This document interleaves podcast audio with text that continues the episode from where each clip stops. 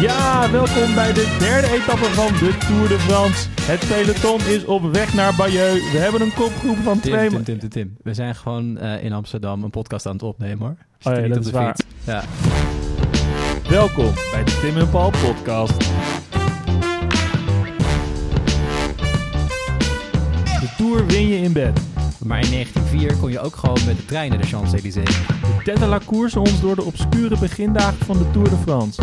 We praten over de velo, autovelo en de Dreyfus-affaire met de gast, Jan Boesman. historicus en wielerkenner zonder gelijken. Mogen we dat zo zeggen? Ja, dat mogen we zo zeggen. Laten we gaan fietsen.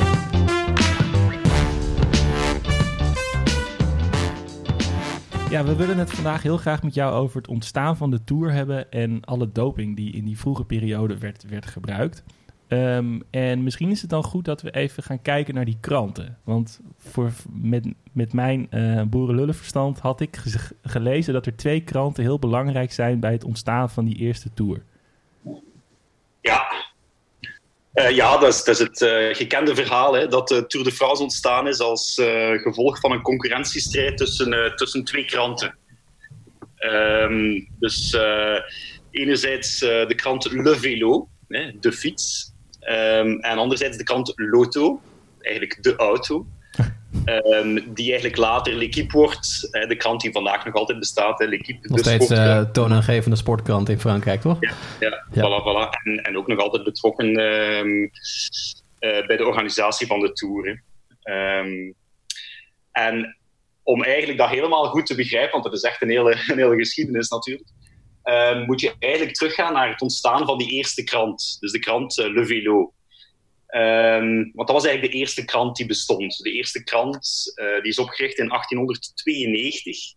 Eh, dat is eigenlijk op het moment ehm, dat die fiets, zeg maar, zoals we die vandaag kennen, dat die, je zou kunnen zeggen, uitgevonden wordt of, of liever voltooid wordt. En je moet weten, tot voor 1890, hè, de fiets, dat was zo met een hoog, een hoog voorwiel en, ehm, ehm, en met houten wielen. eh, dus dus ja, echt, echt voor de freaks, zeg maar. Ja, daar kan je niet echt de Tour mee gaan fietsen, denk ik. Dat lijkt me wat eh, omslachtig. Nee, nee, nee, absoluut niet. Ehm, en de meeste mensen keken daar ook maar naar als iets heel, iets heel eh, freaky. hè. Ehm, tot dus het jaar ongeveer rond 1890 dat die, die, die fiets zoals we die vandaag kennen voltooid wordt hè, met eh, twee gelijke wielen dankzij de uitvinding van de ketting. En dat, is de rubberband. en dat is de safety, toch Jan? Waar je eerder ook Dat over de- vertelde. Inderdaad, de safety, de veiligheidsfiets. Waarom? Omdat eigenlijk door het feit dat je die ketting hebt, waardoor de, de, dat je twee gelijke wielen krijgt. Ehm, dus als je valt, eh, val je niet Val zo... van drie meter hoog. Ja, dus, dus, dus, dus vandaar veiligheidsfiets, zeg maar. ja. Ehm, en natuurlijk ook omdat je de, de uitvinding van de rubberband, ehm, eh, dankzij ehm, ja, rubber dat uit Afrika door onze eh, koning Leopold, eh, de, de, die grootste schurk uit koloniale geschiedenis. ja. Dus op het eh, moment van opname is daar wat eh, Ja. gedoe over zijn standbeeld in, eh, in Antwerpen en Brussel, geloof ik. ja, Dus, ja. eh, ja. Maar goed, eh, dankzij, dankzij hem is er rubber in eh, Europa. Voilà, voilà, voilà. En eh, ja, weten wielrenners veel wat er in de Congo gebeurt. Zij vinden het wel lekker, zo'n rubberband. Ja. Ehm, en, en daardoor ja, dus vervangt die rubberband eigenlijk de houten eh, wielen. Hè. Want met houten wielen, ik weet niet of je daar ooit al mee gereden hebt, dat is niet comfortabel fietsen. Nee, En zeker niet. niet. Nee. Zeker niet op de wegen van toen. Dus eh, zo'n rubberband, dat, is wel, ja, dat veert wel lekker. hè. Ehm, en eigenlijk vanaf dan, hè, dus, dus die fiets wordt voltooid rond 1890, en vanaf dan gaat het heel snel. Hè. Dus vanaf dan krijg je de eerste eh, wielerwedstrijden, eh, Bordeaux-Parijs 1891. En dus ook eh, in navolging van die Bordeaux-Parijs wordt de eerste krant opgericht die volledig gewijd is aan fietsen. Dat is de krant Le Vélo. Dus 1892, opgericht door Pierre Giffard, die ook de, de, de organisator was van die eerste wielerwedstrijden. En je moet weten, ehm, in heel die eh, jaren 1890 verschijnen er zo'n tachtigtal, hè, dus, dus, dus van 18, nee, tussen 1890 en 1900, een tachtigtal wielerkranten en tijdschriften. Ehm, dus die, die volledig gewijd zijn aan fietsen. Hè. Maar waren die, Eh, dan, waren die dan heel dun? Of Sommige waren heel dun. Oké. Maar dus de, de, de, de Le Vélo, hè, die dan uiteindelijk al die andere kranten en tijdschriften, een beetje of de meeste andere, wegconcurreert, zeg maar. dat was wel best een dikke krant. Ehm, Maar wat stond daar dan allemaal in, Ja. Jan? Wat, ja, waar schreven ze over? fietsen. Over ja. Ja, maar, maar wedstrijden, amateurwedstrijden of... eh, alles, alles wat maar te maken had met de fietsen. Dus het ging zowel over economie, hè, over de, de, ja, de, de fietsenmerken, nieuwe uitvindingen, ehm, Oh, wauw. ehm, eh, de, over techniek, eh, als natuurlijk ook de voorpagina's gingen over de wedstrijden. Omdat dan natuurlijk de coureurs waren die natuurlijk die fietsen moesten aanprijzen.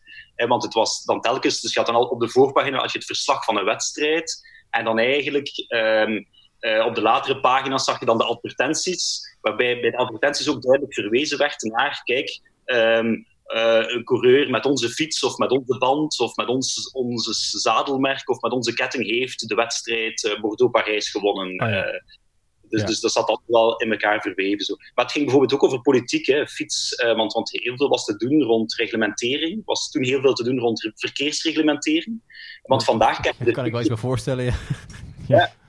Vandaag kennen we de fietser als de zwakke weggebruiker, maar toen was eigenlijk, eh, werd de fietser met argwaan bekeken en was de voetganger de zwakke weggebruiker. Er moesten allemaal verkeersreglementen worden ingevoerd om de voetganger te beschermen tegen al die fietsers die plotseling eh, eh, in het verkeer kwamen, zeg maar.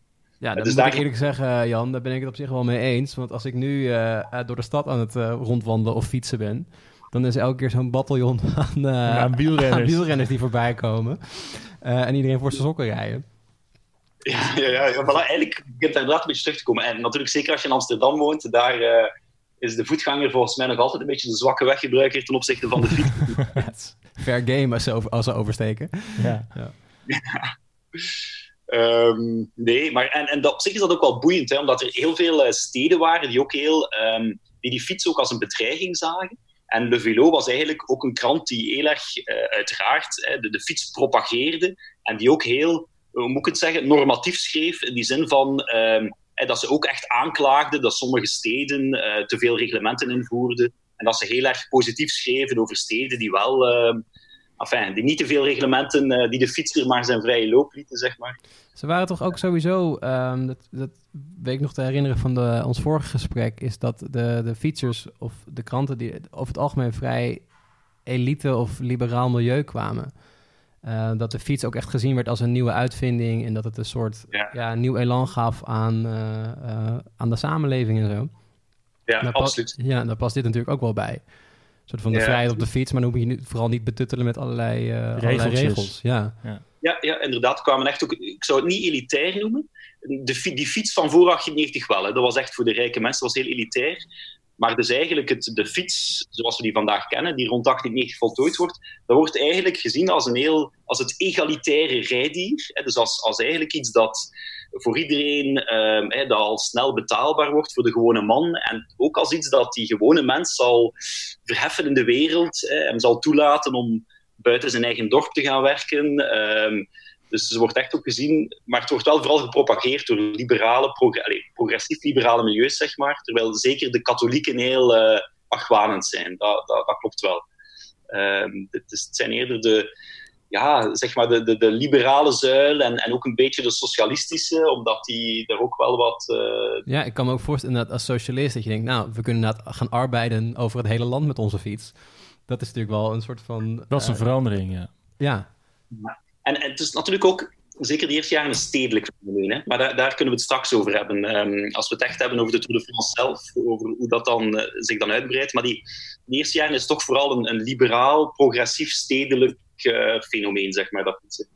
Ehm, maar dus die krant, Le Vélo, Ja, ja, ehm, dus, dus ja, dat staat er dus allemaal in. Het gaat over alles wat met de fiets te maken heeft. Zowel de politiek, de techniek, de economie, als dus de wedstrijden, de wedstrijden zelf. En daar kon je best wel wat eh, pagina's eh, mee vullen, want die wedstrijden die... ehm, ja, dus in no time eh, zijn er heel veel wedstrijden hè, die, ehm, die uitgevochten worden. En eigenlijk is het zo dat die krant Le Vélo, dat wordt al snel echt... Die, die verwerft al snel een monopoliepositie binnen dat schrijven over fietsen en over wielrennen. Ehm, en het is ook zo, zij beperken zich niet alleen tot het, eh, tot het verslaggeven, maar zij organiseren ook zelf die wedstrijden. Dus je zit daar echt met een... ja Bordeaux-Parijs werd, werd door die krant georganiseerd, toch? Ja. ja. Exact, exact. En ook andere wielerwedstrijden. Ehm, dus dat was eigenlijk een soort drie-eenheid, zeg maar. Dus de journalisten schreven over de wedstrijden die ze zelf inrichten. Met, ja. met het geld van de, de, advertenties die ook in de krant verschenen. Dus dat was één grote reclame eigenlijk voor al die fietsen, merken en, en, en uh, accessoires. Um, en het is eigenlijk, um, die hebben een heel lange monopoliepositie, tot eigenlijk, um, ja, zeg maar eind 19e eeuw. Uh, breekt eigenlijk in Frankrijk de, de Dreyfus-affaire los. Uh, die, dat kennen jullie ongetwijfeld als uh, historici. Ja, wat was dat ook alweer? Een... Ja, dus nu onlangs ook weer die film, hè. Ja. de geschiedenis, dus het is over eigenlijk een onterecht um, van, spionage, van spionage beschuldigde Joodse officier in het Franse leger. Oh ja, ja. ja. ja dat, is, dat is een van die dingen die, die krijg, je, krijg je dan mee en denk je, wat is het eigenlijk ook alweer? Maar dat is dus echt een... Uh, ja, in de Franse ja. journalistiek in ieder geval enorm belangrijk, toch? Want Zola gaat daarover schrijven ook. En... Ja, exact. Hij neemt het eigenlijk op op het moment dat het eigenlijk nog niet zo duidelijk is dat hij onterecht voordeeld is. En dus iedereen denkt van, ja, dat is een Joodse officier, die heeft gespioneerd voor Duitsland in het Franse leger. Oh, ja. uh, hij weet in navolging van die Frans-Pruisische oorlog, Duitsland is dan ontstaan, 1870 in Versailles. En er zijn wel spanningen tussen, tussen Frankrijk en Duitsland, en sindsdien continu. En uh, op dat moment heb je dan eigenlijk een, een, een, Alfred Dreyfus, die officier is in het Franse leger, maar eigenlijk uit de Elzas komt. Dus eigenlijk een gebied dat... Ja, dat, dat grensgebied, uh, dat, dat eeuwig betwist, ja, betwiste grensgebied, ah, toch? Ja. Uh, exact, exact.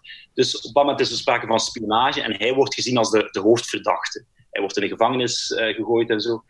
Um, maar ja, een makkelijk slachtoffer, want hij woont daar aan de grens. Hij is Jood. Bovendien, de antisemitisme, dat is, dat is geen Duitse uitvinding. Dat, dat, was er in Frankrijk ook in, in die ja. tijd, of zelfs voor het in Duitsland uh, aan de gang was.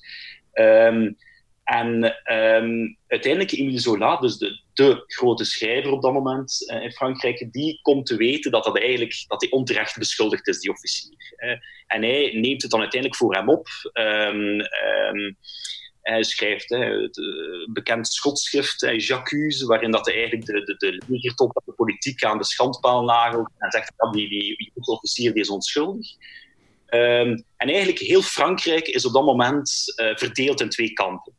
We denken altijd, die polarisering, dat is iets van deze tijd.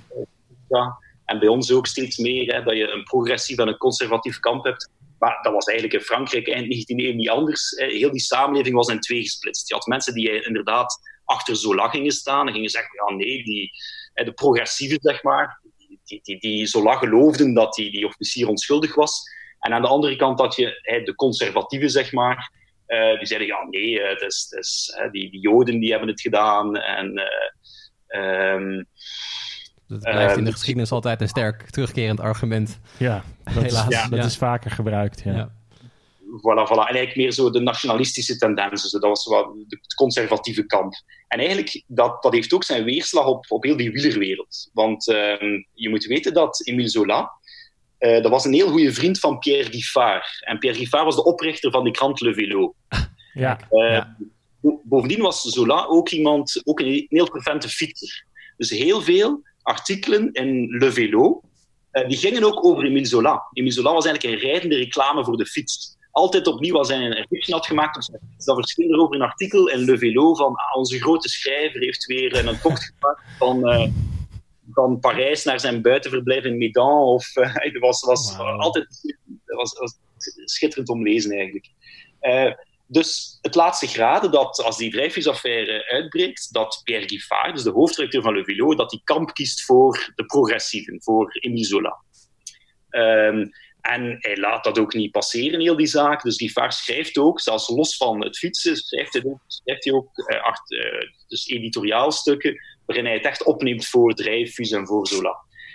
Het enige probleem is dat um, zijn adverteerders, dus de fietsenmerken, die, die de krant eigenlijk... Uh, ja, betalen ja, toch gewoon, ja. Betaalden gewoon, ja, inderdaad. Um, dus de grote fietsenmerken Michelin, Clément en zo verder die behoorden wel, dus de industriëlen, die behoorden tot het andere kamp, tot de conservatieven, ja. uh, tot de anti-Dreyfusaars, zeg maar. Um, ja, dat is lastig als hoofdredacteur. Ja. Ehm, en ehm, het gevolg is, waar hij uit, dus zij tikken hem op de vingers, die vaar. Ze zeggen, ja, je gaat zwijgen over die politieke affaire uh, en het al zeker niet opnemen voor Dreyfus en Zola. Of wij trekken ons geld terug. Maar Zola is een, een, een echte progressief en een, ja, een, een, dromer, een beetje een naïveling. Dus die blijft eigenlijk trouw, loyaal aan zijn vriend Emile Zola. Maar als gevolg dat die uiteindelijk zeggen van ja, we hebben nu genoeg gewaarschuwd, we trekken ons geld terug en we richten een nieuwe krant op. En dat gebeurt, hè, dan zijn we 1899. En uiteindelijk, de nieuwe krant wordt in januari 1900 wordt die nieuwe krant opgericht. En die noemt uh, Loto Velo. Dus er zitten al direct twee elementen in. Dus ze behouden de aspect velo. Um, maar ze voegen er Loto aan toe, omdat natuurlijk ook al die grote fietsenmerken zijn op dat moment ook bezig om die omslag te maken van de fiets naar de auto. Ja. dus Peugeot, Renault, al die automerken die we vandaag kennen, die zijn begonnen als fietsenmerken. En die maken ook in die periode de, een beetje het idee van oké, nu is die fiets nog, of die fiets zit een beetje aan een verzadigingspunt qua verkoop. we moeten ook stilaan die, die, die auto's... richting die, de moderne, modernere auto gaan. Ja. Dus, dus daarom dat die auto ook al prominent vermeld staat in de titel van de nieuwe krant. Dus je hebt op dat moment eigenlijk twee kranten. Je hebt eigenlijk Le Velo, gedrukt op groen papier. En vanaf 1900 heb je Loto Velo gedrukt op geel papier. En dan ontstaat er eigenlijk in die hele periode 1900 tot en met 1903, de eerste Tour de France, heb je eigenlijk drie zeer boeiende jaren van continu eh, concurrentiestrijd, eh, heel bits tussen die twee kranten. Eh, je zou kunnen zeggen, enerzijds Le Velo is in het voordeel, omdat zij al jaar lang bijna uh, die fietskrant zijn. Ze hebben een abonneebestand, abonneebestand en ze hebben dagelijks iets van een 80.000 uh, lezers. Uh, ze zijn de op, op vier na meest gelezen krant in Parijs op dat moment. En dus je moet het je voorstellen dat eigenlijk een, een, een, een, krant die alleen maar over fietsen gaat, dat die eigenlijk uh, in de slipstream zou zitten van de Volkskrant, NRC, AD en Telegraaf. Ja, ja precies. Ja. Dat is bizar, ja. ja. Zo populair was dat fietsen in Frankrijk. Um, maar dus Le Velo, je zou zeggen, die zijn in het voordeel. Hè. Die hebben op hoogdagen, als er, als er echt belangrijke wedstrijden zijn, hebben die meer dan 100.000 uh, lezers. Hè. Er zijn veel kranten die daar vandaag nog jaloers op zouden zijn. Hè, op dat, uh, ja. Um, ja. Natuurlijk, er was op dat moment ook alleen de krant. Er was geen radio, geen televisie. Maar, um, dus je zou zeggen, zij zijn in het voordeel. Maar natuurlijk, die nieuwe krant, Loto Velo, die zich nog eenmaal moet bewijzen, zij hebben wel het geld. Want al die industriëlen, die hebben daar nu het geld in gestoken. Um, en dan krijg je eigenlijk een soort van inhaalrace, waarbij ze dankzij dat geld, want dankzij dat geld kunnen zij ook wedstrijden organiseren en, uh, en zo verder, um, dat zij langzaam eigenlijk een achterstand op uh, Le Velo inlopen. En wat één heel belangrijke meesterzet zeg maar, van Loto Velo is dat zij uh, als hoofdredacteur aanduiden Henri de Grange.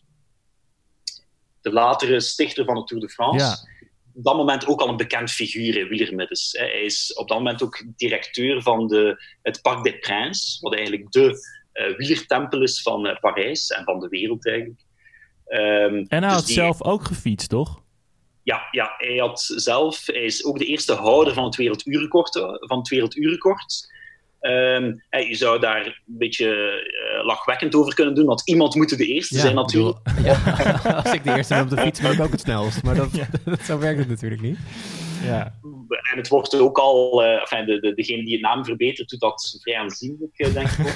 Maar, uh, maar los maar daarvan... Toch, hij was wel de eerste. Ja, iemand, hij, iemand ja, moet het doen. Ja. Hij was wel de eerste. En hij was ook wel een, best een goede fietser, hoor. amateurfietser, ja.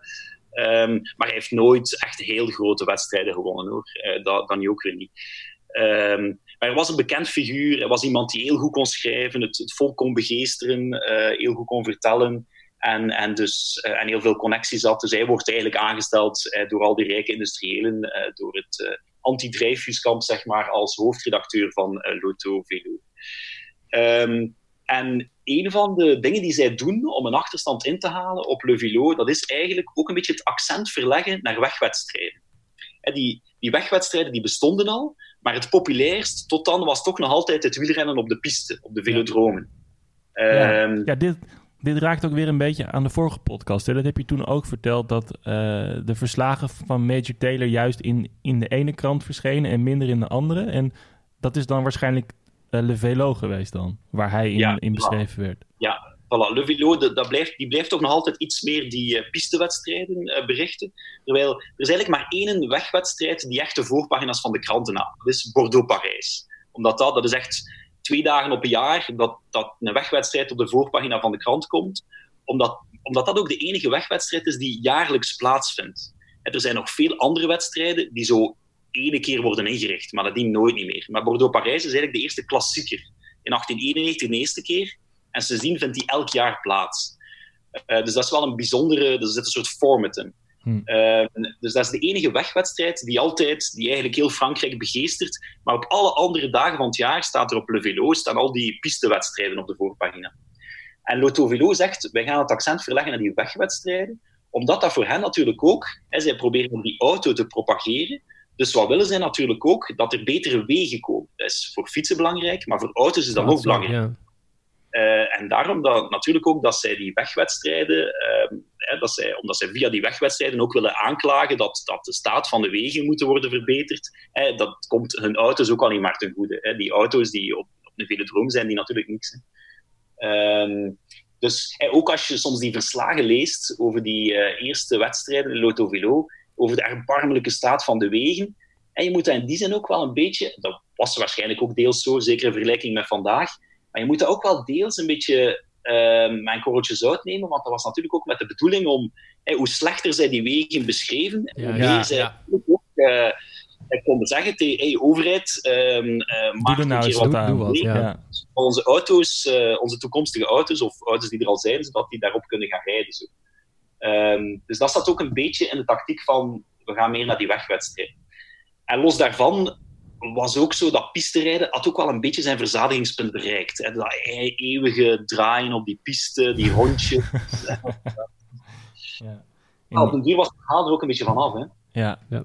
En, en, en dan komt, komt de meesterzet, mag ik het zo zeggen? Dan besluit uh, Le Auto Velo om... Ja, je moet het nog een beetje, als ik het nog een beetje getrapter mag... Ja, uh, ja zeker. Een beetje de aanloop mag beschrijven. Je hebt eigenlijk, de, de, de, het verloopt eigenlijk in schuifjes. Het eerste wat ze doen is niet die tour. Dus 1900 wordt die krant opgericht.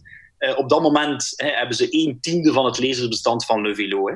Maar het eerste idee dat ze hebben is eigenlijk in 1901 de organisatie doen van Parijs-Brest-Parijs.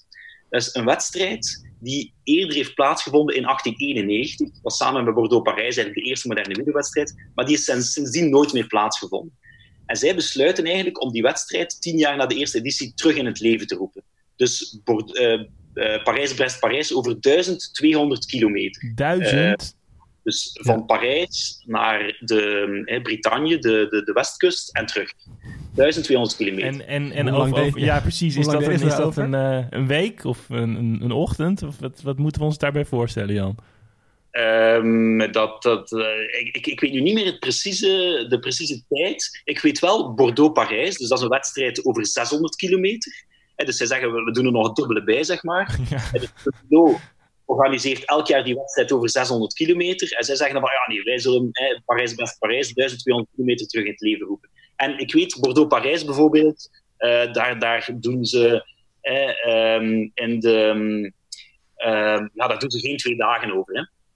Um, maar dat was dan wel weer volg, volgens datzelfde principe als, uh, als, als die eerste zeven, ja, zesdaagse. Dat je gewoon een bepaalde afstand moest, moest fietsen en je moest zelf maar even kijken hoe je, hoe je dat indeelde. Of... Ja, voilà, exact. Eigenlijk wel. Hè. Ja. Hm. Want bijvoorbeeld de allereerste editie van Bordeaux-Parijs worden er op heel veel punten worden er ook bedden klaargezet voor de, de renners om te rusten. En nu, uh, al heel snel um, doen ze dan niet meer die bedden, want de ervaring leert dat de renners daar toch niet voor stoppen, want elke uurtje dat je slaapt, verlies je, verlies je terrein. Ja. Um, dus, uh, uh, dus uiteindelijk, dat is eigenlijk een eerste zet. Hè, dat ze zeggen van oké, okay, we gaan 1901 Parijs-Brest-Parijs terug inrichten wordt, een, eh, wordt een succes. Ze halen al een beetje van een achterstand in. En die verslagen van die wedstrijd, dat, dat lokt wel de lezers. En ook omdat je natuurlijk um, door die... Ja, je kunt niet in een velodroom, wedstrijd in een velodroom, dat, je ziet alles gebeuren, hè, want je zit daar gewoon als toeschouwer. Terwijl een wedstrijd op de weg, zeker in die tijd, ja, er zijn, uh, die auto's die staan nog niet helemaal op punt, dus je moet eigenlijk die afstand vooral met de trein overbruggen. En dus heel stukken van de wedstrijd zie je eigenlijk niet. Dus je ziet eigenlijk alleen op uh, plekken waar een station is, zie je de renners voorbij komen. Dan kun je kort een interviewtje doen. Maar er zijn eigenlijk heel veel stukken, moesten die journalisten maar een beetje verzinnen en aan elkaar schrijven. op, op, basis wel van een beetje wat ze vernamen uit de mond van de renners, die natuurlijk ook niet altijd uh, een objectieve commentaar gaan. Uh, dus gevolg was eigenlijk dat dat heel aantrekkelijke verslagen waren. veel aantrekkelijker dan die, die pistewedstrijden. Ja, die waren dan meer gewoon feitelijk van... Zo, dit, dit, is de tijd van je rondje. Precies, ja. ja. inderdaad. inderdaad.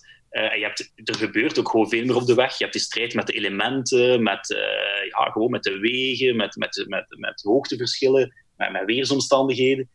En daarnaast natuurlijk ook gewoon de verhalen die die coureurs daar zelf over vertelden, die misschien nog een beetje opgeblazen waren. Dus, dus je had er eigenlijk al, oké, uh, dus ze hadden er al een beter verhaal mee met die wegwedstrijden.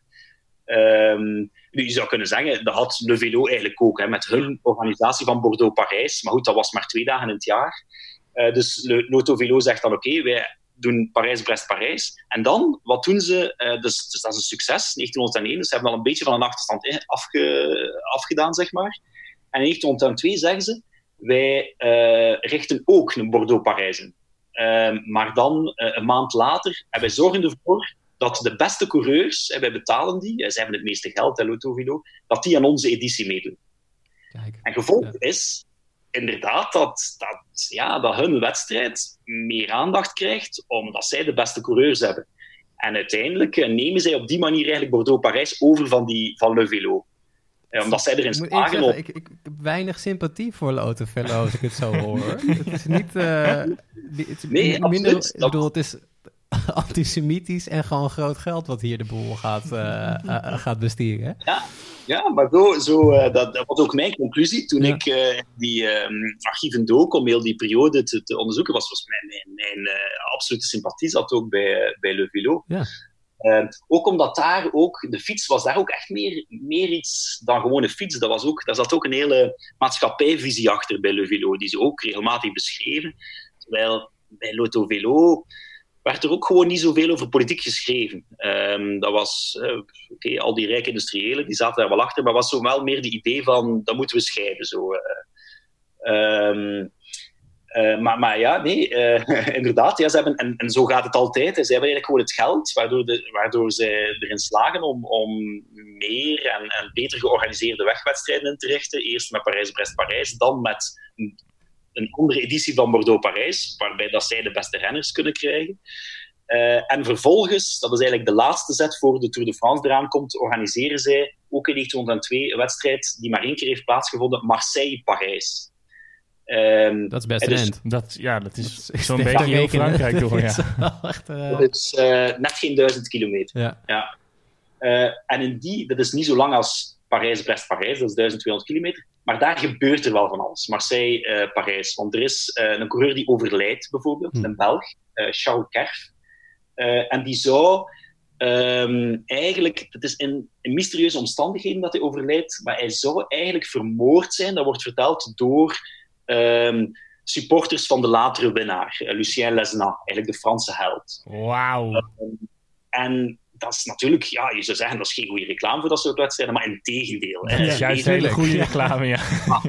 ja. Deze smullen van dat verhaal in de krant van... Uh, uh, dus, dus eigenlijk is het vooral ook die wedstrijd die ervoor gezorgd heeft, en de verhalen daar rond, die ervoor gezorgd heeft dat, dat die krant Lotto Velo, dat ze met die drie wedstrijden, dat ze steeds meer lezers uh, beginnen krijgen. Ja, maar dan is het echt gewoon een soort van, van reuring, uh, oproer, chaos, wat, wat verkoopt natuurlijk. Het is bijna een soort van, van roddelpers vergeleken met, met uh, Le Velo, toch? Ja, ja, ja. Dus op dat moment eigenlijk, je zit dan aan de vooravond van het jaar 1903. 1903, wat dan eigenlijk de, de, het jaar waarin de eerste ronde van Frankrijk zal worden georganiseerd. Maar je zit aan de vooravond van dat jaar met eigenlijk die twee kranten waarbij dat, uh, Lotto Velo uh, zijn achterstand ongeveer tot de helft heeft gereduceerd. Um, en dan aan de vooravond van dat jaar um, um, ja, denken ze na, oké, wat kunnen we nu nog, hoe kunnen we nu nog een schepje erbovenop doen, zeg maar. En dan is er eigenlijk een, dus ze zitten samen, uh, ergens in november 1902, in Brasserie Zimmer, aan de boulevard Montmartre, een straat in Parijs vol fietsenwinkels. En ze denken na van, wat kunnen we nu nog doen? En dan is er een jonge um, journalist van de krant, uh, Georges Lefebvre, die zegt van, eigenlijk wat echt goed verkoopt, uh, zijn ook die verslagen over de zesdaagse in Amerika. En waarbij ze dan inderdaad, uh, dus dat is een fenomeen dat alleen maar bestond in New York, waarbij ze dag en nacht doorreden. Ja, dat is zeg maar zes dagen fietsen is zes dagen fietsen. Ja, ja, voilà. zes dagen fiets is niet zoals vandaag, hè, waarbij dat er Koppeltjes, ja, en ja. Massages en douches tussendoor slapen. Nee, nee.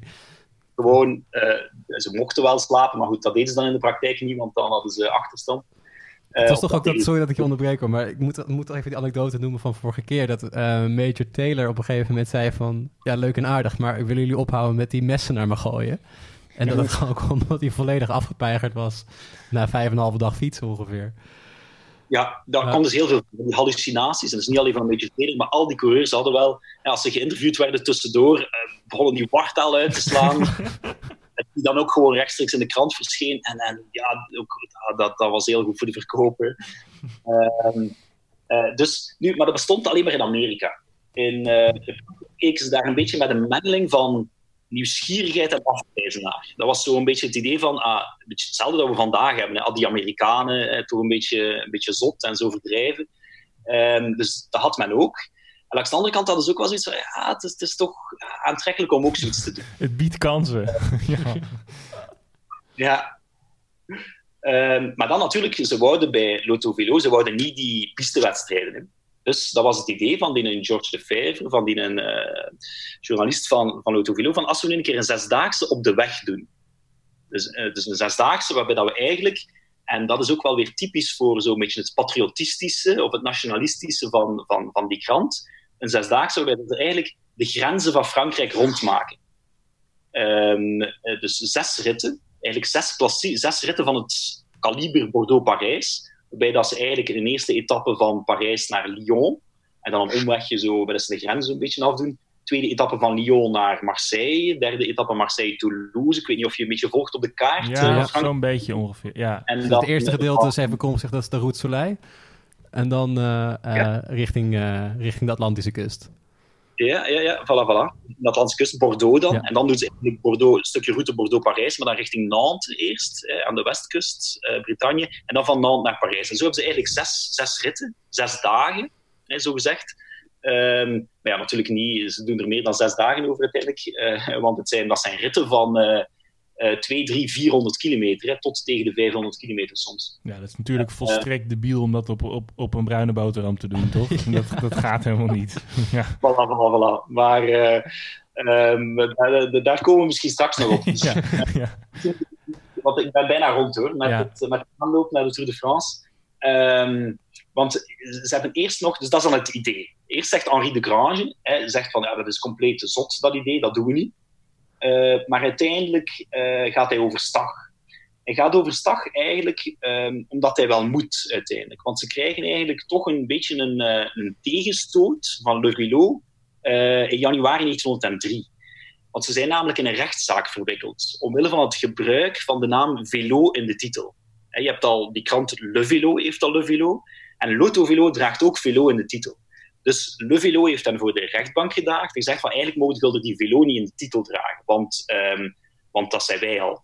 En ze winnen die rechtszaak. Dus eigenlijk in januari 1903 is Lotto Velo verplicht om het woordje Velo te schrappen uit de titel. Maar je moet je bedenken, plotseling noemt die krant alleen nog maar Lotto. Maar die wil, ja, wie gaat er nu een krant kopen voor, voor wielerverslagen met, met de titel Lotto? Ja, als je de, de autoweek koopt om, ja, om, om een voetbalwedstrijd te gaan lezen. Ja. Alsof je de, de Autoweek of Automagazine gaat kopen voor je wielerverslagen. Dat, ja. dat, dat gaat het ook niet doen. Hè. Dus ze denken bij Le Velo van, oké, okay, nu hebben we de genadeslag uitgedeeld. En ze hebben al maar, oké, okay, ze hebben een achterstand ingehaald, maar ze hebben nog altijd maar de helft van onze lezers. En nu noemen ze al maar gewoon meer auto. En auto was nog altijd wel iets, de auto was nog altijd wel iets elitair. Hè? Terwijl hmm, eigenlijk. Velo een combinatie van dat elitaire met dat volks. Um, dus, en daarom gaat de Grange ook overstag. Omdat hij zoiets heeft van, ja, we liggen in de touwen. Oké, okay, uh, we doen dan maar dat zot idee van die zesdaagse door Frankrijk. uh, maar dat is niet direct een groot succes. Want uh, renners zelf vinden dat eigenlijk ook een zot idee. Op dat moment is dat pisterijden ook nog altijd wel wat, wat belangrijk. Dus ze hebben eigenlijk in het begin geen inschrijvingen daarvoor. Ze hebben op een paar weken voor de originele startmoment in april hebben ze eigenlijk nog maar 15 inschrijvingen. Dus wat doet de Grange dan? Hij verlaagt het inschrijvingsgeld, hij verhoogt het prijzengeld. Dus de, de adverteerders, de industriëlen, die pompen er gewoon meer geld in. En hij verlaat de wedstrijd naar juli, het moment waarop nog altijd de Tour de France ja. plaatsvindt. Ehm, en dan, oké, dan komen de inschrijvingen binnen.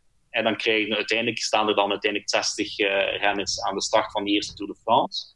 in juli, die in het begin, bij de eerste etappe, bij het vertrek, wordt die natuurlijk groot uitgespeeld in de kranten Lotto. Maar in alle andere media is er eigenlijk amper aandacht voor. En dat verandert gedurende die maand juli, naarmate die verslagen van die, die Tour uh, komen. Die spectaculaire verslagen van, van uh, de strijd tegen de omstandigheden, tegen de, de elementen. En maar ook bedrog en, en al dat soort dingen. En dus al die verhalen, die, dat leest lekker weg.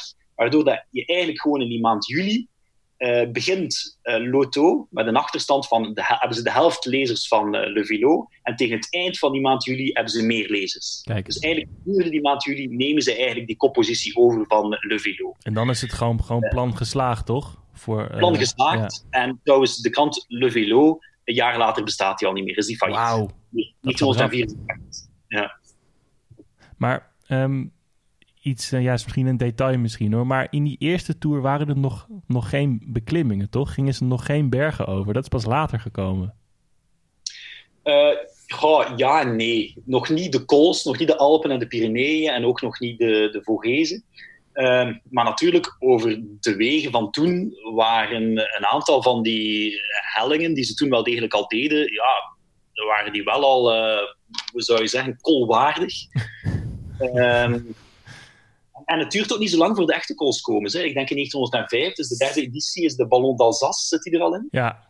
Wat eigenlijk vandaag eigenlijk een beetje een beginnerscall is hè, voor de wielertourist. Maar wat... ja, ik kom er niet op hoor, maar jij en Tim waarschijnlijk wel. Ah, wel uh, uh, maar, maar, voor de wegen van toen was dat best een stevige call. En, en de Pyreneeën en de Alpen die komen er een paar jaar later ook al in. Hè. Dus, ja, oké. Okay. Ja, ja. Want dat is nu echt, echt super ja, bepalend, toch? En, en, ze zeggen vaak de Tour begint pas in de, in de bergen. Weet je, dan begint het pas echt. Dat is toch ook het leukste om te zien ook? Ja, dat ja. is ook wel waar. Ja. Maar Jan... Ja, ja. Nee, ja, uh, ja je, uh, je zei net iets over uh, bedrog in die eerste Tour. En ja, daar zijn we natuurlijk ook benieuwd naar. Er is zo'n soort, zo'n soort mythisch verhaal dat mensen in de trein gingen en zo. Maar heb je daar concrete voorbeelden van, van dat bedrog? Uh, ja, eigenlijk de, de, tweede Tour de France in 1904 worden eigenlijk de eerste vier al uit het klassement geschrapt omwille van diverse overtredingen van het reglement. En één daarvan was dus, dus effectief dat ze stukken met de trein zouden hebben afgelegd. uh, ja. Want je moet ook um, rekenen, oké, okay, bij de Tour de France bestonden er al auto's om de wedstrijd te volgen. Maar bijvoorbeeld de Bordeaux-Parijs, die, die kijk echt... Uh, dus in het boek dat ik heb geschreven, De Fiets van Lautrec, dat gaat eigenlijk over de hele Bordeaux-Parijs van 1896. Hè. De wedstrijdomstandigheden zijn in grote mate vergelijkbaar met de eerste Tour de France. En daar heb je dus eigenlijk... De, de treinen zijn op dat moment de enige manier om zich te verplaatsen. Hè, voor de mensen die... Voor de volgers, zeg maar. De journalisten, voor de organisatie. Um, dus dan zien die eigenlijk de renners maar alleen op momenten, op plaatsen dat ze kunnen uitstappen. Um, en ja, oké, dat wordt wel op diverse manieren gecontroleerd, maar het, het kan altijd gebeuren dat, er, uh, ja, dat, dat renners zich dan toch vermommen als, um, en, en controles ontwijken, om, om dan toch stukjes met de trein af te leggen. En, en wat, wat men er tegen doet bijvoorbeeld is, want in het begin heb je eigenlijk vaste controles. Dus dat wil zeggen dat je altijd in bepaalde steden uh, tussendoor, dus ongeveer om de 100 kilometer, dat je een controlepost hebt. En meestal daar waar er een treinstation is. Maar dus om dat bedrog eigenlijk te vermijden, gaan ze in de Tour de France vliegende controles invoeren.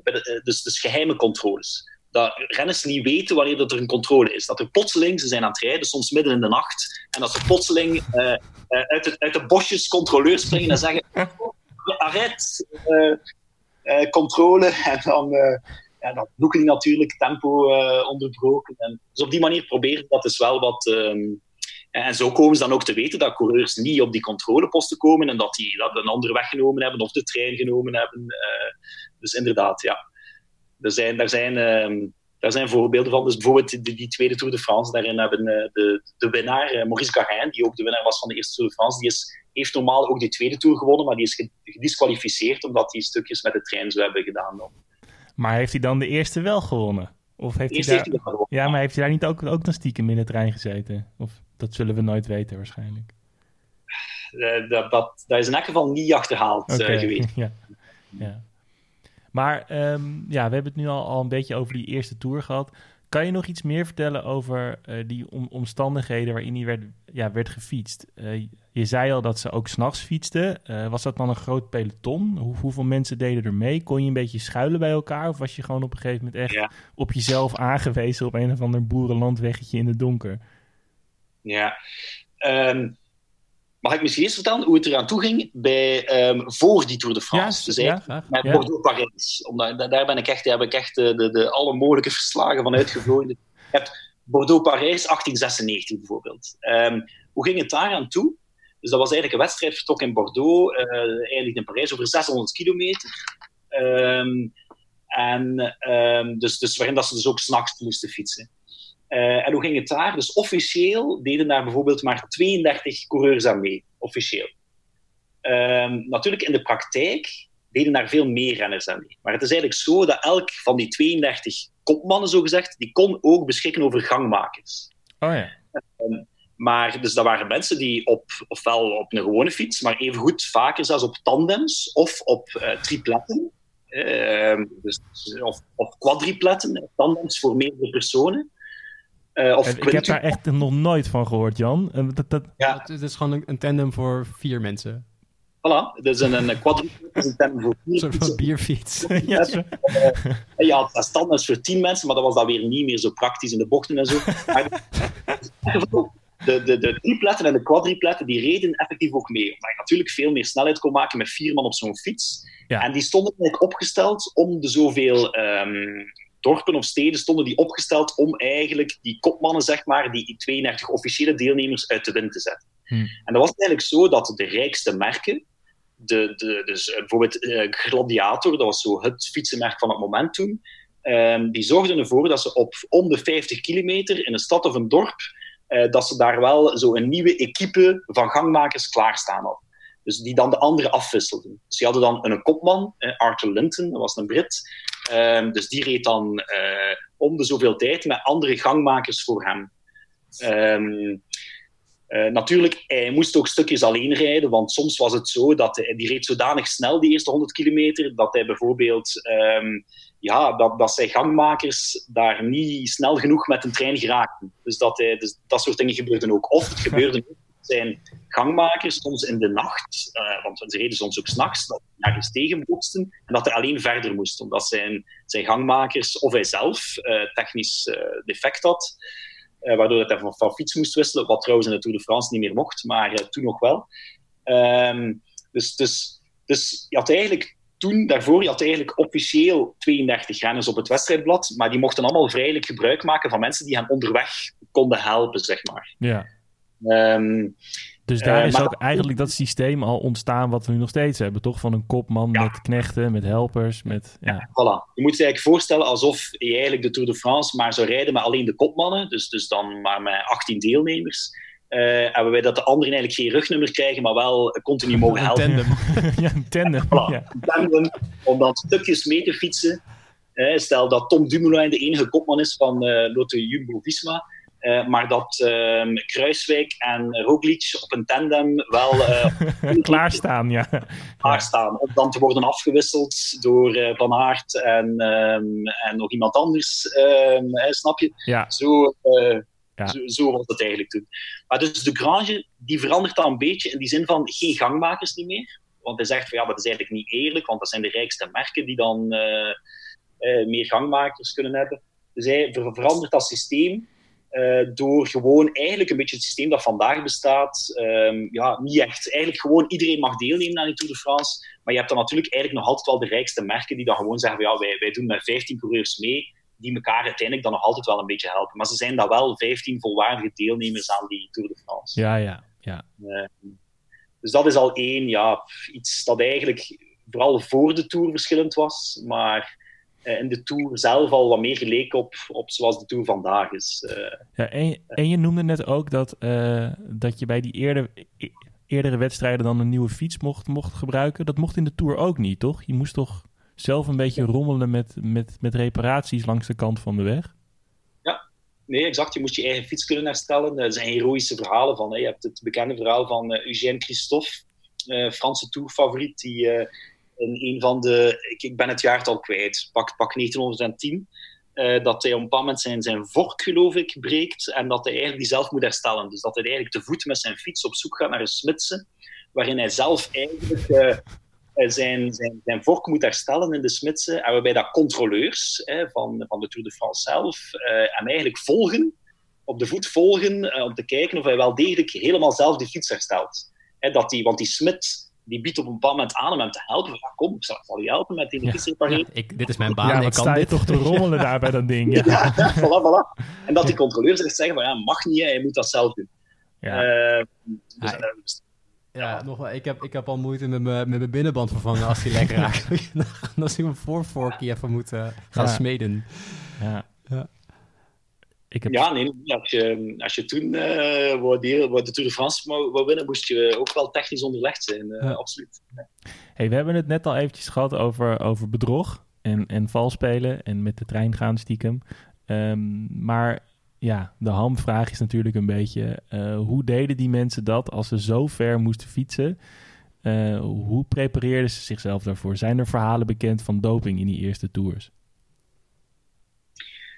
Uh, ja, er zijn uh, veel verhalen bekend. Um, um, ja, waar, waar te beginnen eigenlijk? Hè? Uh, om, te, om, te beginnen, um, om te beginnen was, dat, dat moet misschien wel eerst duidelijk zijn, dat het woord doping zoals we dat vandaag kennen, dat was, hè, dat was, geen, was helemaal geen verbod rond. Hè? het woord doping zelf bestond ook nog niet. Um, er was eigenlijk een groter taboe op vermoeidheid dan op middelen om die vermoeidheid tegen te gaan. Hè. Misschien, uh, dus je hebt eigenlijk dat tijdperk hè, van de Belle Époque is een beetje, ja, the sky is the limit. Hè. Um, uitvinding van, van de fiets, van de auto, uh, van het vliegtuig ook, uh, of, of, de voorlopers daarvan. maar ook, de, de, dus men gaat op zoek naar de grenzen van, van mensen, van techniek. En dat stopt een beetje met de Eerste Wereldoorlog, hè, omdat ze daar, de mensheid gewezen wordt op de grenzen van de ja, groei. Precies, ja. Uh, maar ook het menselijk lichaam moet echt tot het uiterste gedreven worden. En uh, er, er, zijn zelfs reclamecampagnes van allerlei middeltjes die, die gewoon op dat moment vrijelijk in de, in de kranten verschijnen. En zeker ook in de fietskranten en tijdschriften. En er is een bekende reclamecampagne voor een van die middeltjes waar, waarin staat, de, de tekst is, uh, il est criminel de rester faible. Dus het is eigenlijk misdadig om zwak te blijven. Um, dat is een hele gezonde manier van denken. Ja. Ja, ja voilà. Het is eigenlijk een, een taboe op, op, op moe zijn en toegeven dat je moe bent en je moet doorzetten en je moet echt die grenzen doorbreken. En er zijn allerlei middeltjes die ook wijd en zijd aangeprezen worden in de kranten om die vermoeidheid tegen te gaan. En um, wat zijn die middels? Uh, wat zijn die middeltjes? Je hebt natuurlijk de klassiekers. Hè? Je hebt het, uh, de, de cafeïne bijvoorbeeld, dat is, dat is de klassieker. Hè? Dus, dus wat in uh, koffiebonen te vinden is of in cacaobonen. En chocolade wordt op dat moment niet gezien als snoepgoed, maar als een uh, vermoeidheidsremmer. Um, um, dus chocolade was echt, uh, cacao was echt een heel belangrijke vermoeidheidsremmer. Um, je hebt een andere klassieker is, is bouillon, vleesbouillon. Hè, een manier om krachtvoer onderweg ook binnen te krijgen. Maar dan heb je een aantal minder klassieke dingen die eigenlijk op dat moment ook, ook um, ja, hoe moet ik het zeggen, um, het Europese continent binnenkomen. je hebt eigenlijk vanuit, vanuit Zuid-Amerika heb je de, de, de coca-plant, die dan eigenlijk ontdekt wordt, waar de Indianen in de Andes al eeuwenlang gebruik van maakten als vermoeidheidsremmen, maar die dan eigenlijk eind 19e eeuw ook het op de Europese markt komt. Dus, dus, uh, en Sigmund Freud heeft erover geschreven, hè, een boek over Uber Coca, waarin hij de cocaïne en wat dus uit die coca-bladeren verkregen wordt, eigenlijk bewierookt en de werking ervan. Um, een ander iets dat op de Europese markt komt in dezelfde periode is eigenlijk uit Afrika, uit West-Afrika, de cola-noot. En al snel blijkt dat, dat je uit die cola-noot dat je daar uh, tot tien keer meer cafeïne uit krijgt dan uit die koffiebonen of uit die cacaobonen. En dan heb je eigenlijk allerlei mengsels hè, tussen, uh, tussen die cocaïne die uit die coca-bladeren wordt verkregen en, en die cola-noot, die dan uiteindelijk in Amerika ook leidde tot Coca-Cola. Een heel gefilterde versie, toen nog niet, maar al heel snel wel. Um, en dan heb je bijvoorbeeld ook um, uit uh, Azië dan, hè, want de hele wereldmacht komt er eigenlijk samen in de, de van de, de, de, de, de wielerverzorger, zeg maar. Uit Azië heb je ook een bepaalde noot, de, um, de, de Indische braaknoot. Uh, goed. en daar uh, wordt een substantie verkregen die men, is een substantie verkregen, uh, strychnine. Oh, ja. Dat is eigenlijk vandaag nog altijd verkend, bekend als rattenvergif. Um, maar was in die tijd ook bekend als heel, ja, heel stimulerend. um, uh, nog uit Azië heb je dan eigenlijk, en dat was eigenlijk al langer bekend, opium natuurlijk. Ja, hè, dat is ja. al uh, langer bekend. Hè, maar eigenlijk um, er waren soldaten in, in diverse oorlogen ook gebruik van maakten om de pijn te stillen. was vooral pijnstillend. Ja, dat is niet per se een. Uh, uh, daar word je niet per se heel erg actief van, toch? Want ik heb het idee met opium. Ja, dan liggen ik, ze ik, allemaal ik, op die Ik heb bedden. het zelf nooit gebruikt, maar ja. ik heb wel het idee ja. met, met opium, ja. uh, verhalen over opium, dat iedereen daar een beetje laveloos ja. aan zo'n opiumpijp ligt te lurken. maar, maar, maar ja, ja, inderdaad, inderdaad. Maar het is wel pijnstillend, hè? Dus, dus in die zin. Het, het is verdovend, ja. ja. De pijn is wel de, de, de gezel van de wielrenner, zeg maar. En ook um, uh, eind 19e eeuw heb je, dus die opium bestaat al langer, maar eind 19e eeuw um, zorgen ze voor allerlei extracties daarvan die uh, een beetje um, ja, geschikter zouden zijn voor de wielrenner. Namelijk in eerste instantie morfine, mm -hmm. uh, wat geacht wordt om eigenlijk de schadelijke werkingen van opium een beetje tegen te, te houden, als snel blijkt dat uh, een tegendeel te zijn. Maar goed, en, en later heroïne natuurlijk ook. Hè. Oh ja. en en oké, okay, uh, wat krijg je dan, dan eigenlijk in de periode van de eerste Tour de France, dus eind 19e, uh, begin 20e eeuw, krijg je eigenlijk allerlei mengsels die eigenlijk een mengeling zijn van al die dingen die ik net heb opgezomd. Van die coca-blaadjes, van die cola-noten, van die strychnine die uit die Indische braaknoot komt, van die morfine, heroïne, um, van de klassieke cacaoboon, uh, maar ook met alcohol wordt dat vermengd. Een er is een bekend um, dopingmiddel dat toen werd gebruikt, wat toen nog niet als doping bekend stond, maar wat eigenlijk een mengeling was van opium en wijn. Eh, Laudanum werd dat genoemd. Uh, dus er zijn eigenlijk allerlei uh, bizarre, of met de ogen van vandaag, bizarre mengelingen die op dat moment op de markt komen en die ook gewoon aangeprezen worden in, in de fietstijdschriften. Van, ah, dit middel... Dan ga je pas echt hard, ja. Voilà, voilà. Dus, dus, met, dus zoals eigenlijk, hè, dus zoals ik net beschreef, van op de voorpagina van de krant heb je dan het wedstrijdverslag en op pagina 2, 3 heb je dan de advertenties van hè, de winnaar heeft gereden met een fiets van dit. Heb je evengoed uh, reclames in de, in de zin van hè, de winnaar heeft uh, met dit drankje, met deze mengeling van uh, coca-bladen, cola-noten en Indische braaknoot, heeft hij eigenlijk deze wedstrijd gewonnen. En u kunt het drankje verkrijgen in de vorm van een pilletje of, um, of in poedervorm bij uh, apotheek uh, Moulin op de boulevard Montmartre. Enfin, dat, dat soort advertenties stonden even goed in die, in die wielertijdschrift. Maar Jan, is misschien een beetje een flauwe vraag hoor, maar als ik je zo aanhoor, dan zeg je eigenlijk die doping was toen nog geen doping. Dat hele concept doping is, is pas later gekomen. Dit waren gewoon middeltjes die toen bekend waren en misschien ook wel werden gezien als gezond. Um, en zijn ook wel echt een soort, van integraal onderdeel van die hele fietscultuur. Zeg, zeg ik dat goed? Ja, eigenlijk wel. Het was eigenlijk, werd gezien als noodzakelijk om, om al die, uh, die, die afstanden over die wegen met die fietsen uh, bij te brengen. Maar, maar, maar, ik moet daar een kleine nuance bij brengen. Er waren ook al tegenstanders. Die waren marginaal, maar toch ook niet van de minste. Er is één heel belangrijke tegenstander die toen al daartegen was. En dat was Henri de Grange. Ah, dat is niet de minste. Niet de minste nee. nee. Ja. ja, de uitvinder van de Tour de France. Die was al in die tijd een voorloper, zeg maar, in de, de anti-dopingstrijd. En die noemde het ook nog geen doping, maar die zei echt, die heeft zelfs, en die heeft ook een, een boek geschreven, al in 1894, dus al bij, bijna tien jaar voor de Tour de France, heeft hij een trainingshandboek voor wielrenners geschreven, waarin hij eigenlijk dan al um, dat soort dingen aanklaagt. Um, um, en ik uh, probeer hier even. Um, mag, mag ik eens het fragment voorlezen wat hij in 1894 daar al over schrijft in ja? zijn boek? Ja, ja. ja. ja. In het Nederlands voorschrijven, in de Nederlandse vertaling. Dus hij schrijft. Wat giftig is, dus het is een trainingshandboek voor wielrenners. Het gaat over van alles, hoe dat wielrenners zich moeten prepareren voor wedstrijden. Maar hij heeft het op een bepaald moment over al die stimulerende middelen die op dat moment op de markt zijn. En hij zegt, wat giftige stoffen betreft, als cola, coca enzovoort, ik verbied je ze aan te raken. En zelfs wanneer het verzamelde medische korps je zou vertellen dat je er buitengewone resultaten mee kunt behalen, want dat gebeurde ook. Hè. Dokters die schreven ook in de krant dat, dat dat de middeltjes waren die je moest nemen. Maar de Grange zegt, zelfs als zij dat zeggen, dat je er buitengewoon resultaten mee kunt behalen, dan moet je het niet doen. En je moet die resultaten behalen met je eigen gezonde, natuurlijke middelen.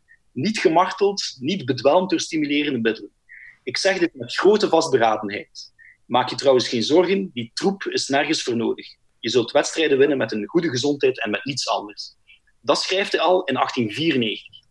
Uh, terwijl op dat moment de, de morus is dat al die middelen dat die noodzakelijk zijn om dat tot een goed einde te brengen.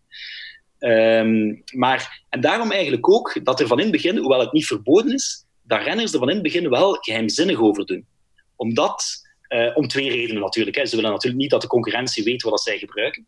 En de tweede reden is ook omdat ze weten dat de organisator, de baas van de Tour de France, dat die er tegen is. Hm. Ook al verbiedt hij het niet. Ja. Uh, ze, ze, weten van ja, oké, okay, uh, ja, we moeten hier wel een beetje op een goed blaadje blijven bij de, de, de patron. Ja. Dus dat verklaart wel waarom het, hoewel de antidopingreglementen pas in 1960, de jaren 60 worden ingevoerd, is er van bij het begin van de Tour de France wel een soort geheimzinnigheid daar rond. En dat ja. is juist omdat de Grange er van bij het begin tegen is, als een van de weinigen. staat echt op een, ja, is staat echt op een eiland van uh, Assise op dat gebied. Maar, maar die geheimzinnigheid is nu ook nog onderdeel van de wielercultuur, toch? Ook als je nu een wielrenner vraagt, gebruik je doping, zegt hij, ja, hè, wat is doping? En dan begint hij zo'n lulverhaal van, ja, het ene moment als je, als je een puffertje voor je astma gebruikt, mag het wel, ja. maar het volgende moment niet. Komt dat door met zijn biefstuk. Ja, toch? Ja. ja.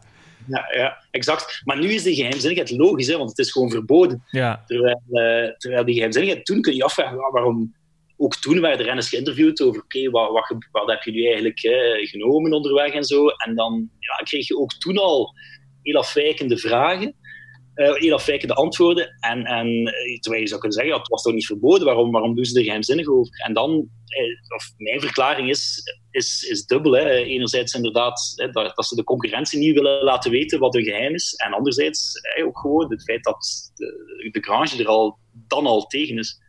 Ja. En nog even een stapje. Je zei net dat, dat uh, in de jaren 60 dan het echt verboden wordt in de Tour. Um, heeft dat, ik zit even niet goed in mijn, in mijn data hoor. En als, als het niet klopt, dan halen we het er gewoon uit. Maar heeft dat iets te maken met, met meneer Simpson op de Mol van Toe? Of is dat een... Ja, er waren al aan, aan, uh, aanloopreglementeringen. Maar dat heeft wel alles in stroomverstelling gebracht, ja. De dood van Simpson. Maar de, was, de eerste reglementering was daar al voor, geloof ik. Wat zeg je? Ook... Wat zei je?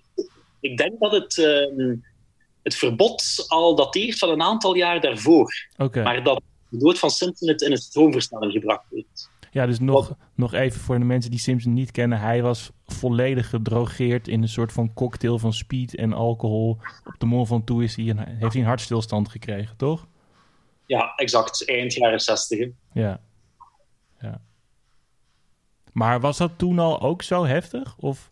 Ja, zijn er gevallen uh, bekend van... Uh, nee, we hadden het net heel even over uh, Marseille-Parijs. Daar is iemand vermoord, allegedly. Maar zijn er mensen ook tijdens de Tour um, dus gesneuveld vanwege doping? Ja, er zijn veel verhalen bekend uit die oertijd van het wielrennen over coureurs die uitvallen of zelfs sterven. Maar die doodsoorzaak is natuurlijk nooit heel helder. Het was altijd een beetje een raadsel. Wat de officiële doodsoorzaak was altijd wel iets van uh, longontsteking of, of tyfus of zo. Maar uh, het was altijd een, uh, een combinatie van elementen. Hè, van een combinatie van vermoeidheid, verminderde weerstand en allicht ook het gebruik van allerlei, middelen. Hè. Um, um, dat, maar er zijn ook allerlei verhandelingen over geschreven die ik ook gelezen heb uh, van sportartsen uit die tijd. Um, maar daar kunnen zij ook alleen maar.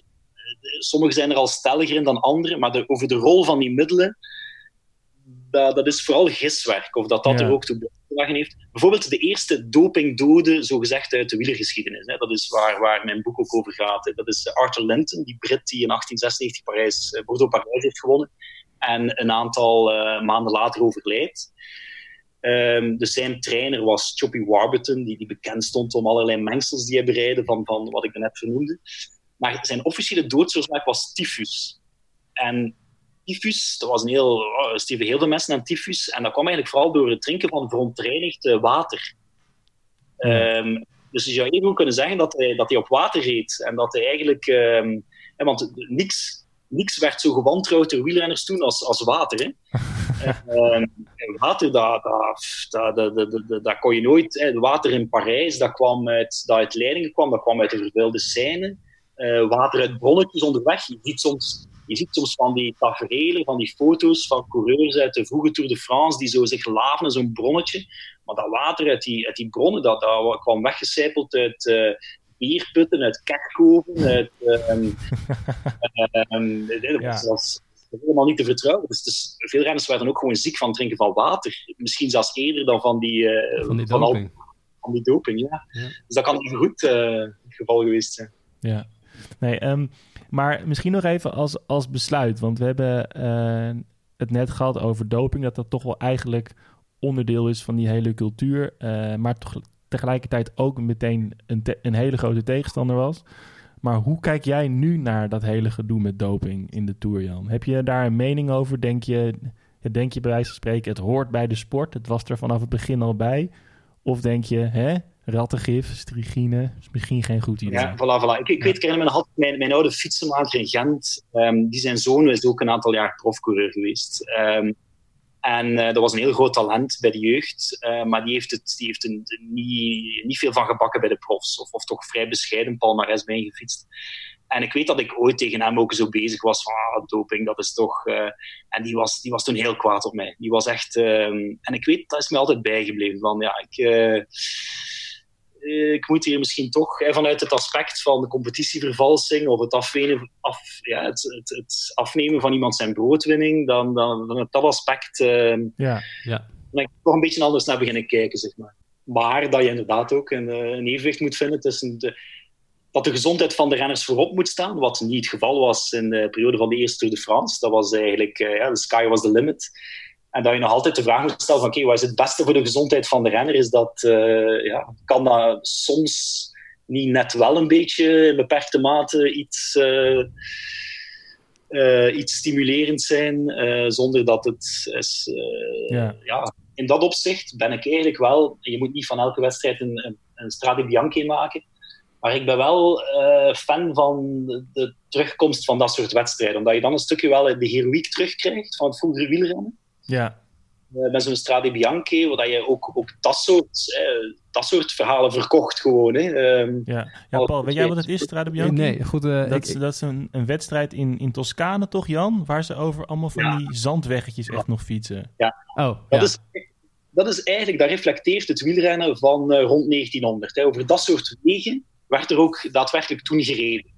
Um, dus, dus uh, ja, dat is een wedstrijd van, ik weet niet hoe, lang die wedstrijd is, meer dan 200 kilometer denk ik, over ja, goed aangeplant aarde, grindwegen, wa waardoor eigenlijk, eh, een beetje hetzelfde met Parijs-Roubaix, waardoor bijvoorbeeld dat ploegenspel ook veel minder kan spelen. Uh, door de staat van die wegen, door die omstandigheden, door dat draaien en keren, uh, waar je ook meer een, een soort pure strijd krijgt, van man tegen man. Niet helemaal hoor, maar, maar en dan, dat, dat maakt het ook allemaal wat aantrekkelijker. Dus, dus je hebt niet die dopingverhalen nodig om, het, om toch tot aantrekkelijke verhalen te komen. Dat is eigenlijk wat ik, uh, wat ik wil zeggen. Ja, Strade Bianchi is, is wel gewoon een hele mooie, heel mooi voorbeeld daarvan. En uh, ja, is ook niet doorgegaan dit jaar volgens nee. mij. Ja, jammer. Maar de Tour als het goed is wel. Ja. Op het moment van opname is dat nog steeds uh, Nog steeds een, een beetje go? onduidelijk.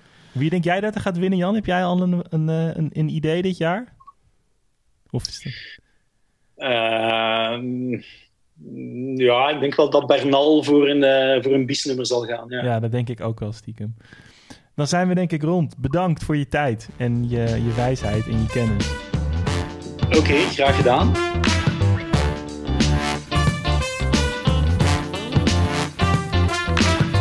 Vond jij dit nou een interessant verhaal en wil je meer over geschiedenis weten?